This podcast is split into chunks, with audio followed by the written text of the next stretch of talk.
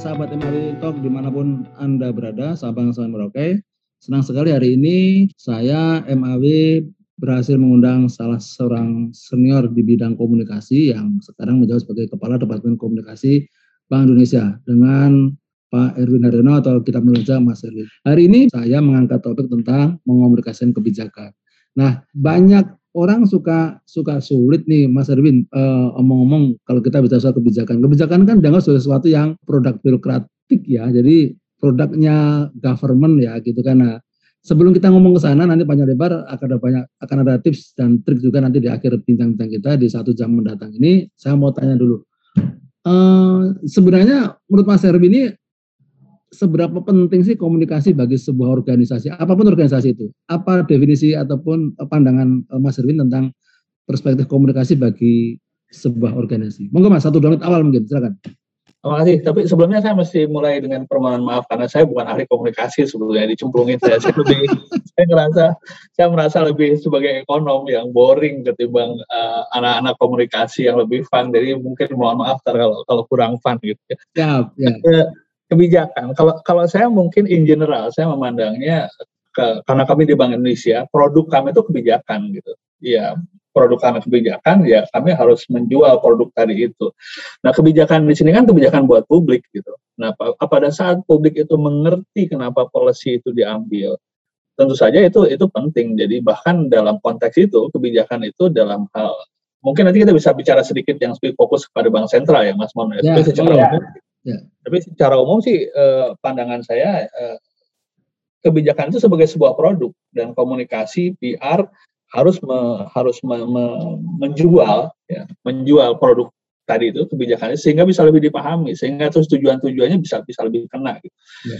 Belakangan nanti mungkin kita bisa bisa lihat bahwa uh, di, di di ekonomi itu ada gini nih. Nggak nggak apa-apa ngomong ekonomi dikit dong. Boleh boleh boleh boleh boleh. Ya teori baru yang disebut ini apa namanya uh, eh, self fulfilling prophecy. Misalkan begini, kalau semua orang Indonesia berpikir ini rupiah bakalan anjlok nih karena krisis. Kemudian Mas Mono, saya, teman-teman yang lain menukarkan rupiahnya, rupiah anjlok beneran kan?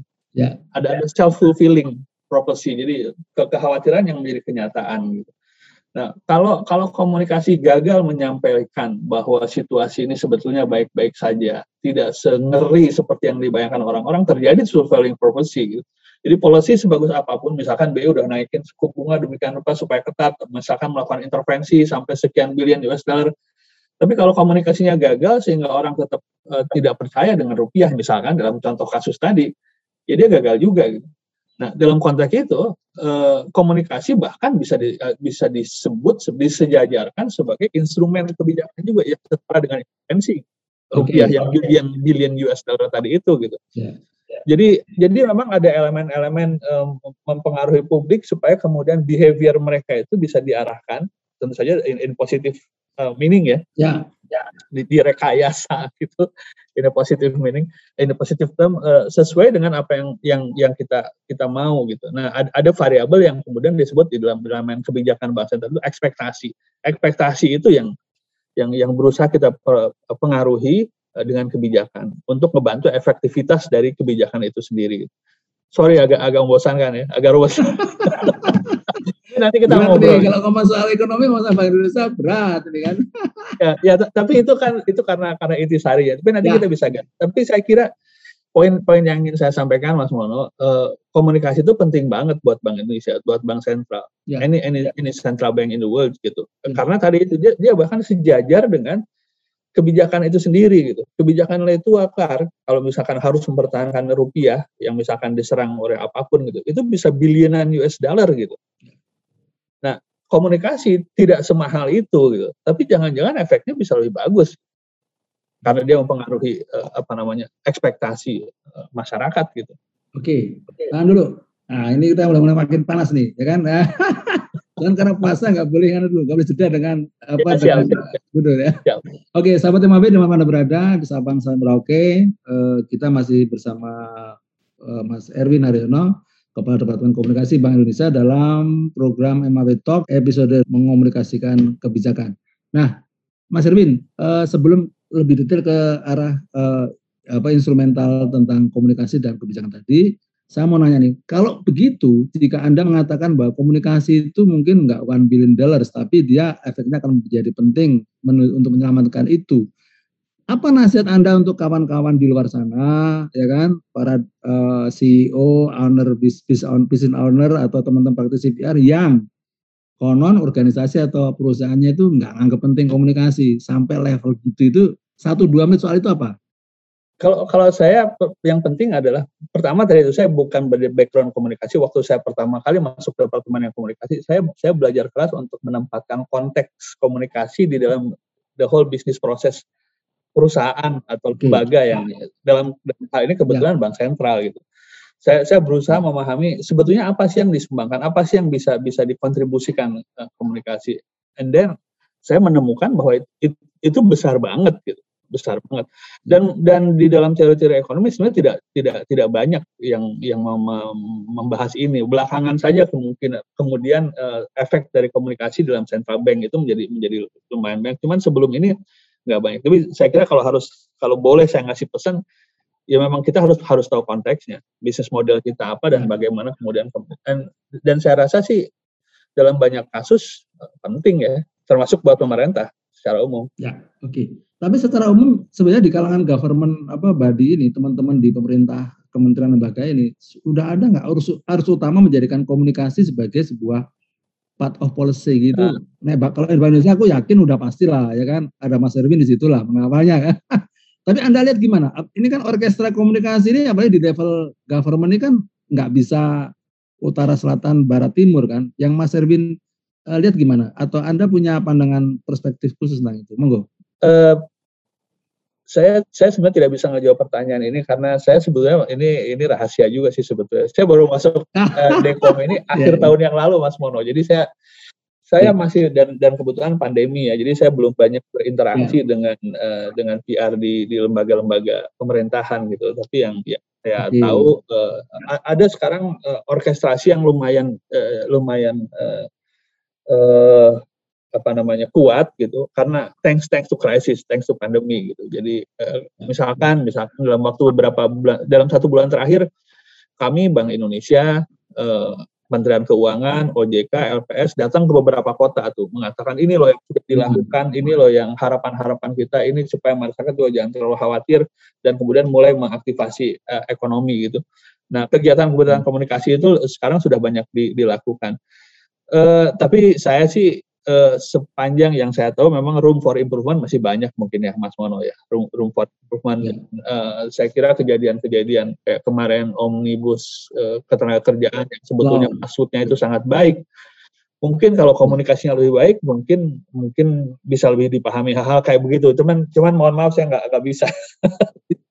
Kalau jauh saya belum banyak bergaul dengan dengan mereka. Tapi setelah ini uh, saya akan dalami Oke, okay, anyway, sahabat MAB di mana Anda berada, Anda masih bersama Erwin Naryono, Kepala Departemen Komunikasi Bank Indonesia dalam program MAB Talk episode kiat mengomunikasikan kebijakan di era digital. Mas Erwin, uh, oke okay lah. Uh, sebenarnya saya mau saya tadi tanya soal itu adalah karena gini, ini kan satu lesson learn juga bagi kita semua ya, baik di kementerian lembaga maupun di perusahaan. Bahkan di perusahaan ini sekarang kan ada cenderung 15 tahun, 20 tahun di industri komunikasi, di tetapi hari ini saya melihat betul bahwa ternyata harus utama untuk menjadikan PR atau komunikasi sebagai strategic management function itu sudah mulai tumbuh, berkembang. Sehingga kesadaran untuk merawat komunikasi sebagai bagian dari kebijakan itu menjadi penting. Nah, challenge-nya apa itu Mas? Bagi mereka yang masih belum menempatkan komunikasi sebagai strategic management function, apa challenge yang harus di, di apa di, diperhatikan ketika memperjuangkan itu?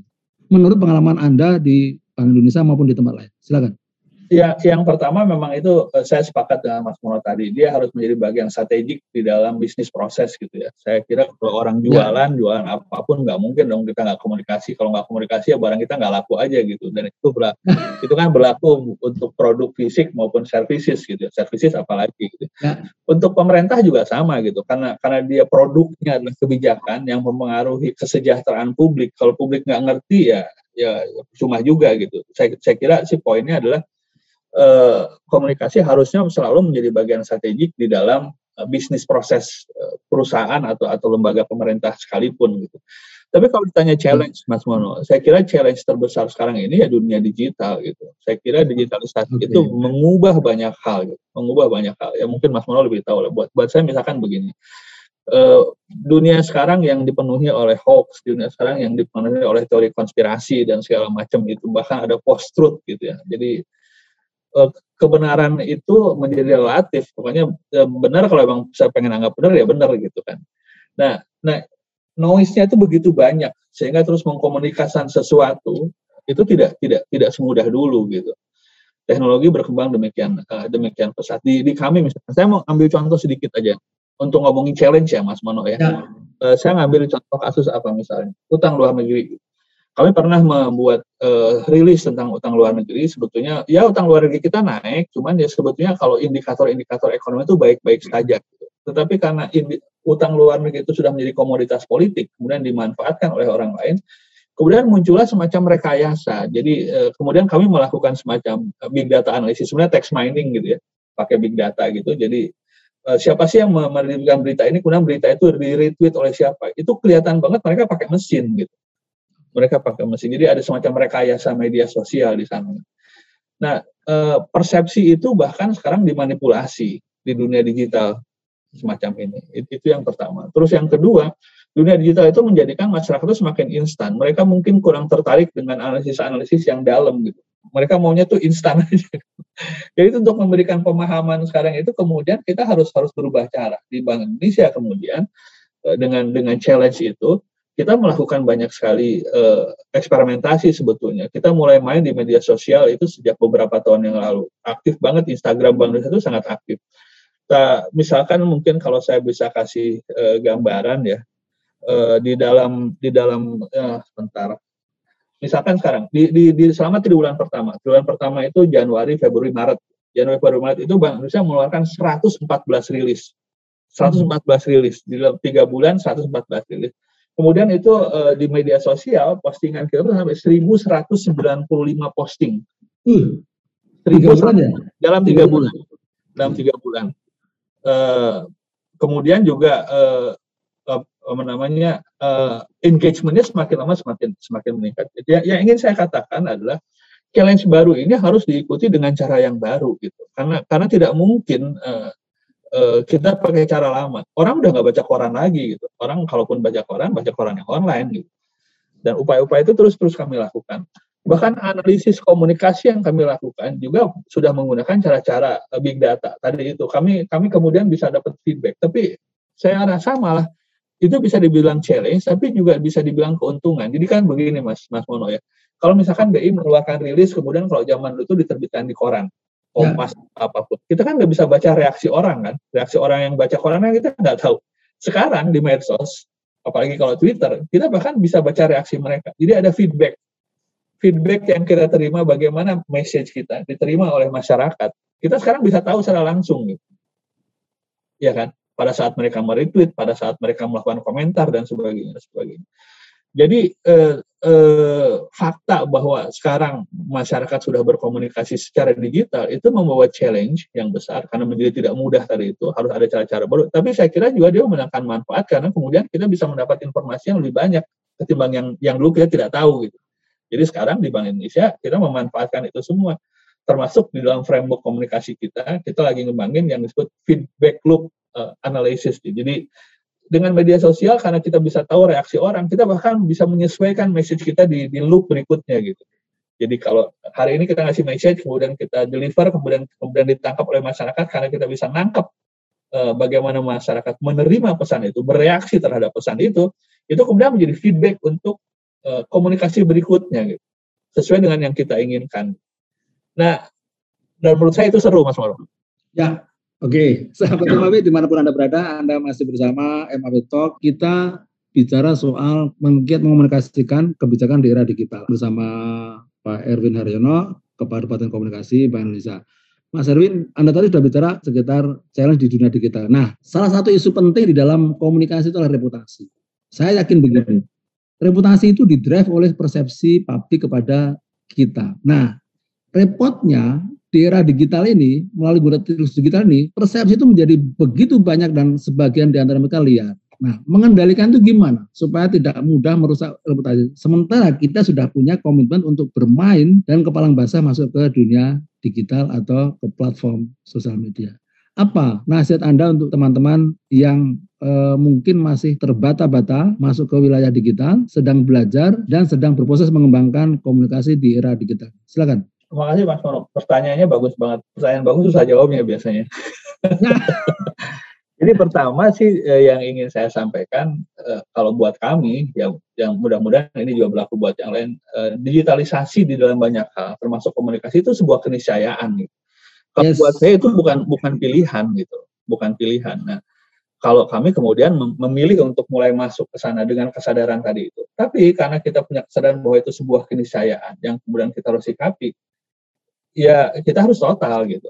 Nah, tadi waktu pas uh, saya bilang uh, beberapa tahun yang lalu BI mulai masuk ke dunia medsos, kemudian mulai belajar-belajar caranya bermedsos, mulai masuk Facebook waktu itu, kemudian pindah ke Instagram, sekarang Twitter sangat aktif dan sebagainya dan sebagainya. Kemudian kami mengembangkan tools gitu, mengembangkan tools yang sebenarnya tidak susah-susah banget. Tadi waktu saya bilang big data itu sudah gagah-gagahan aja sih, tapi sebetulnya hanya hanya teknik Karena semua ada, the, I think the beauty of digitalization is because you have all the data gitu. Jadi apa pun apa pun yang kita lakukan di dunia maya itu semua kan ada recordnya gitu. Dan itu data gitu. Nah data itu yang kemudian kita bisa mainkan. Jadi saya pengen bilang begitu masuk ke situ itu area yang seru tadi saya bilang seru dan dan kalau kalau kita mau kita main total di situ gitu. Tadi saya ya. kasih contoh gitu. Di zaman dulu pada saat berita itu masuk lewat koran yang dibaca, kita bahkan nggak tahu reaksi bapak-bapak pagi-pagi baca koran karena kita nggak bisa ngetok sebuah rumah untuk melihat emosinya. Sekarang kita bisa lihat emosi itu gitu. Kami mengembangkan uh, tools yang yang misalkan dengan text mining sederhana, kemudian kita bisa kalau misalkan uh, orang yang marah itu kan menggunakan kata-kata tertentu. Text mining itu kemudian dikumpulkan untuk melihat bagaimana sih reaksi orang terhadap pemberitaan tertentu. Gitu. Nah, hanya dengan itu saya kira kita bisa main lebih bagus dan memang harus aktif. Tadi kalau saya bilang ada sekian 117 eh, rilis, kemudian sekian ribu posting segala macam dalam tiga bulan, ya memang memang dunianya begitu, memang memang dunianya begitu gitu. Karena dunia dunia sudah sudah berubah. Nah, tadi pertanyaan awalnya menjadi menarik all in all Mas Mono, semua yang kita lakukan tadi itu kemudian akan membentuk persepsi. Persepsi itu tidak tidak bisa kemudian di, diharapkan datang gitu. You have to earn. itu kan bukan sesuatu yang kemudian hibah dari langit gitu. Upaya-upaya yang tadi itu yang yang yang yang terus kemudian kami perbaiki. Nah, upaya memperbaiki reputasi itu dengan konsep digital tadi itu lebih mudah dilakukan karena ada tadi ada ada feedback tadi itu ada feedback mechanism Mas Mono. Yang dulu kita nggak bisa tangkap atau kalaupun tangkap datanya lag gitu ya kan survei survei kan lama gitu kalau sekarang dia bisa real time yang kedua, kami juga tetap melakukan survei, survei-survei lama tetap kita lakukan untuk melihat kira-kira persepsi BI di mata orang seperti apa sih. Itu juga tetap tetap kita lakukan. Tapi hal-hal baru sekarang lebih kami eh, lebih kami aktifasi di, di dunia digital ini gitu. Ya, Oke. Makin marah kan, begitu kita kita masuk ke era digital ini, kita nggak boleh setengah-setengah ya Mas Rinja. Total football ya kalau istilahnya Johan Cruyff dulu ya. Iya. Dalam bola gitu ya. Terutama sebenarnya tergantung kepada pertama tergantung kepada bisnisnya ya. Tapi dalam ya. dalam bisnisnya bank sentral, public service seperti kami, di mana sekarang orang baca berita itu lebih banyak secara digital, ya kami harus menyesuaikan gitu. Hmm. Kami harus menyesuaikan gitu kan sekarang siapa sih yang baca koran setiap pagi gitu? Ya mungkin bapak-bapak kita gitu. Kita aja saya aja udah umurnya lima puluhan aja mungkin udah nggak baca koran fisik gitu kan. Iya. Ya, kan? Orang bahkan sekarang semua menggunakan handphone gitu. Nah ya. kayak gitu. Nah dunia sudah berubah. Dunia sudah berubah. Nah komunikasi saya kira juga harus harus menyesuaikan. Dan perubahannya banyak banget. Tantangannya banyak banyak sekali. Hoax dari di mana-mana uh, hoax ada di mana-mana, persepsi orang dengan mudah berubah dan seterusnya. Kalau kita nggak aktif ya, ya kita tergerus dan pada akhirnya uh, kredibilitas yang menjadi tujuan akhir dari komunikasi yang nggak tercapai kalau kita nggak aktif. Betul. Oke, sahabat Mawid, mana Anda berada, Anda masih bersama Erwin Haryono, Kepala Departemen Komunikasi Bank Indonesia, dalam program MAB Talk episode Kiat Mengomunikasikan Kebijakan di Era Digital. Mas Erwin, uh, sekali lagi kebijakan adalah ada sebuah produk bagi kementerian lembaga. Saya suka dengan dengan dengan apa dengan statement itu. Dan saya yakin bahwa ada banyak cara yang bisa dilakukan oleh siapa pun uh, humas di kementerian lembaga untuk menyampaikan kebijakan yang satu relevan, kemudian juga targetnya eh, apa selaras dengan targetnya. Pertanyaannya adalah apa pun eranya, platformnya apa pun, konvensional atau digital, kan pesan dan target audiens kan harus benar-benar ketemu ya, ya. pas, Rifana. Cara menemukan itu gimana?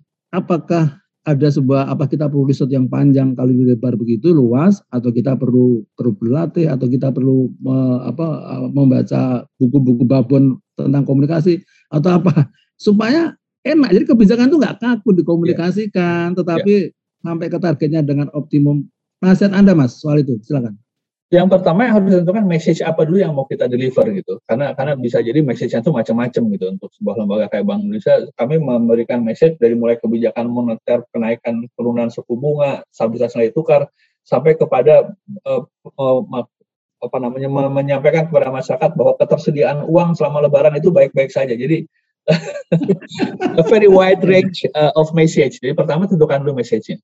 Atas dasar message itu kemudian tentukan kanalnya kami kemudian membagi dua ada kanal, yang disebut above the line yang below the line. Uh, above the line itu misalkan pemberitaan di media uh, below the line itu misalkan kami melakukan uh, apa namanya diskusi yang lebih intensif misalkan dengan politisi misalkan dengan pemerintah yang lain dengan dengan oh, organisasi uh, komunitas dan sebagainya. Jadi memang harus tentukan message-nya kemudian kanalnya kita mau pakai yang mana. Termasuk kanal yang baru inilah kanal digital. Jadi tidak tidak semuanya digital sebetulnya tapi uh, setiap message mungkin kita harus tentukan kanalnya dulu gitu. Kanalnya dulu dan kemudian uh, setelah itu ada proses evaluasi. Bagaimana message itu kemudian ditransmisikan melalui channel yang berbeda tadi itu. Dan kemudian ada proses feedback tadi itu. Nah yang tadi saya bilang proses feedback itu sekarang lebih mudah lewat saluran digital. Yang dulu itu kita masih butuh waktu lama karena kita harus survei ya, dan dan itu itu nge gitu. Ya, oke. Okay.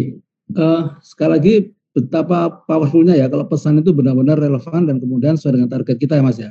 Nah, oke. Okay. Uh, eh, sahabat MAW di mana Anda berada, Anda masih bersama MAW Talk bersama Pak Erwin Arino kepada Departemen Komunikasi Bank Indonesia. Nah, karena kalau kita bicara soal kebijakannya nggak akan habis-habis. Nah, ada nggak sih uh, layer-layer komunikasi itu sifatnya turunan yang dilakukan oleh Bank Indonesia. Misalnya gini, kebijakan utama soal kita bicara soal kebijakan moneter misalnya. Mas Erwin bikin nggak berbagai macam kebijakan komunikasi turunan untuk satu isu tertentu gitu, Pak. Kan segmentasi kita kan segmen pasar atau target audiens kita beda-beda. Apakah hanya mengemas satu kebijakan atau narasi tunggal saja, lalu kemudian disampaikan ke berbagai macam target audiens dengan dengan konteks mhm. dan cara berbeda-beda, atau ada lapisan-lapisan e, narasi lain yang itu sering dilakukan oleh Bank Indonesia yeah. ketika mengkomunikasikan sebuah kebijakan yang benar-benar sangat esensial atau sangat yeah. sangat fundamental. Silakan Mas. Uh, iya, tadi itu pertama tergantung message-nya dulu gitu. Mungkin saya ngambil ya. contoh kasus yang menarik itu apa misalkan Dinar Dirham. Nah, kalau kalau masih ingat kemarin cukup cukup heboh kan? Ya, ya, ya, ya, ya. Dirham di Depok, terus kemudian ada yang ditangkap segala macam gitu ya. Nah, ini ini ini ini ini contoh kasus yang bagus gitu buat kami di Bank Indonesia karena ada undang-undang tentang mata uang yang mengatakan bahwa mata uang yang beredar di yang mata uang yang sah di Indonesia itu hanya rupiah dan penggunaan mata uang lain selain rupiah itu ada ada sanksi pidananya. Pada saat pada saat fenomena itu muncul dan kemudian saya banyak ditanya wartawan kami melakukan eh, apa namanya pembahasan internal. Ini message kita mau seriusin atau enggak? Kemudian diputusin dia mau diseriusin. Karena tadi itu iya. ada amanat undang-undang yang harus dijaga dan dan itulah misinya ada Bank Indonesia sebetulnya sebagai bank sentral. Kemudian kami seriusin itu. Kami seriusin itu, kemudian kami tentukan kanalnya, channelnya mana saja menjawab ya. pertanyaannya Mas Tono. Yang pertama kami masuk di above the line. Kami kami layanin semua pertanyaan, hampir semua pertanyaan wartawan, permintaan wawancara secara above the line. Untuk mengatakan ya. yang sangat simpel sebetulnya ini udah ada undang-undangnya loh. Yang dilakukan di Depok itu dengan segala hormat dia menyalahi undang-undang, bahkan itu ada pidananya kayak begitu. gitu. Nah, itu lumayan berhasil dan kemudian itu banyak diberitakan. Tapi kemudian pada pada episode berikutnya terjadi penangkapan, terjadi penangkapan terhadap orang itu dan kemudian memunculkan sebuah uh, arus pemberitaan yang lain yaitu sentimen keagamaan gitu. Padahal tadinya tuh dia hanya hanya urusan mata uang gitu. Muncul kemudian dianggap uh, bahkan seolah-olah Bank Indonesia itu anti Islam misalkan kayak gitu. Kemarin muncul begitu. Kemudian kami evaluasi lagi, eh, ini kayaknya kanalnya harus berubah. Gitu. kami mengaktifkan kanal yang below the line. Kami menghubungi MUI, kami bikin webinar, kami menghubungi Nahdlatul Ulama, Muhammadiyah menyatakan bukan gitu loh maksudnya kayak gitu-gitu. Nah, jadi kepada pertanyaan tadi Mas Mas Mono, kalau kalau boleh digeneralisir, tergantung tergantung message yang mau kita deliver gitu. Dari message itu kemudian kita bisa tentukan channelnya yang mana gitu. Dan kemudian ada proses evaluasi. Selalu ada proses evaluasi. Makanya feedback tadi itu penting gitu sekali lagi produk kami kan kebijakan gitu. kebijakan bagaimana kebijakan itu bisa dipahami oleh publik atau tidak bisa dipahami oleh publik dan dengan demikian di, di, di dalam proses berikutnya komunikasi seperti apa untuk untuk menguatkan message itu dan dan kepada kepada channel yang mana gitu mau yang above the line berita atau yang below the line gitu hal-hal semacam itu eh, memang sangat tergantung kepada kepada message-nya yang mau di deliver dan kepada isu yang berkembang setelah itu gitu. Ya. Oke, okay. Sahabat MAW mana berada, Sabang saya Merauke, kita masih dalam program MAW Talk episode kiat mengomunikasikan kebijakan di era digital bersama Erwin Haryono, Kepala Departemen Komunikasi Bank Indonesia. Mas, kita dari pengunjung acara dan saya kira ini saat yang tepat Mas Erwin merangkai semua yang kita diskusikan ini menjadi satu eh, apa satu nasihat nasihat yang yang apa ya yang sangat berfaedah bagi kita semua ya dalam uh, apa satu dua menit ini supaya kita nggak gagap mengelola kebijakan. Jangan sampai kebijakan itu kemudian hanya dipikirin terus susah amat nih kebijakannya gimana cara kita mengkomunikasikan nggak paham kita. Nah supaya kita semua paham, yang lebih penting adalah supaya audiens itu memahami apa yang sedang kita lakukan. Pada akhirnya menjadi feedback tadi Mas Ayu uh, bilang tadi diukur, kemudian dievaluasi, lalu kemudian bisa disampaikan kembali seterusnya dengan lebih baik lagi, lebih baik lagi. Monggo Mas, satu menit sebagai pamungkas menyimpulkan rangkaian apa yang kita diskusikan ini. Silakan Mas. Oke, yang pertama bahwa sebelum ke komunikasi saya di bidang ini Mas Mono di eh, apanya sistem pembayaran di mana saya banyak bergelut tentang digitalisasi. Dan saya, saya banyak belajar di sana dan yang saya kira kemudian relevan dengan diskusi ya. kita hari ini. Kalau boleh saya masuk. Jadi kalau buat kami digital disruption itu nyata gitu disruption dalam pengertian dia mengubah banyak hal. Dalam hal komunikasi dia mengubah cara kita berkomunikasi masyarakat berkomunikasi gitu. nah kalau itu kita pahami sebagai sebuah fakta sebagai sebuah keniscayaan ya kita harus melakukan transformasi transformasi termasuk komunikasinya gitu. Nah digital transformation bukan hanya di bisnis bukan hanya di produksi tapi juga di komunikasi. Nah kalau kita menganggap itu sebuah keniscayaan keberhasilan kita melakukan transformasi di dunia digital itu akan menentukan kita menjadi winner atau menjadi loser gitu. Kalau kalau kita nggak pengen capek karena aduh ini susah banget nih mesti mesti maintain media sosial, mesti ngelihat semua dan kemudian kita menghindari itu, hampir pasti dia akan jadi loser dalam hal komunikasi. Dia dia tidak akan bisa dipahami gitu. Ya. Tapi kalau kemudian kita memilih itu sebagai sebuah keniscayaan dan kita menseriusi itu, tadi saya bilang ternyata kalau kita mau seriusin itu fun gitu dan dan Betul. bahkan ada ada tools yang dulu tidak ada sekarang ada sehingga terus mudah-mudahan bisa menambah efektivitas komunikasi jadi kalau kalau kalau in short sih saya ingin katakan transformasi digital itu termasuk dalam komunikasi itu itu kunci gitu ya. kunci apakah kita mau menjadi winner uh, atau loser. Oke, jadi transformasi digital adalah kunci kita jadi winner atau loser ya. Saya kira Mas Erwin sudah menunjukkan dirinya sebagai seorang winner, ya kan, dalam mengomunikasikan kebijakan. Mas, kita udah di akhir acara. Terima kasih atas nama MW Talk dan sekali lagi saya mengucapkan terima kasih pada sahabat sekalian. Kita bertemu lagi pada MW Talk berikutnya. Sampai jumpa.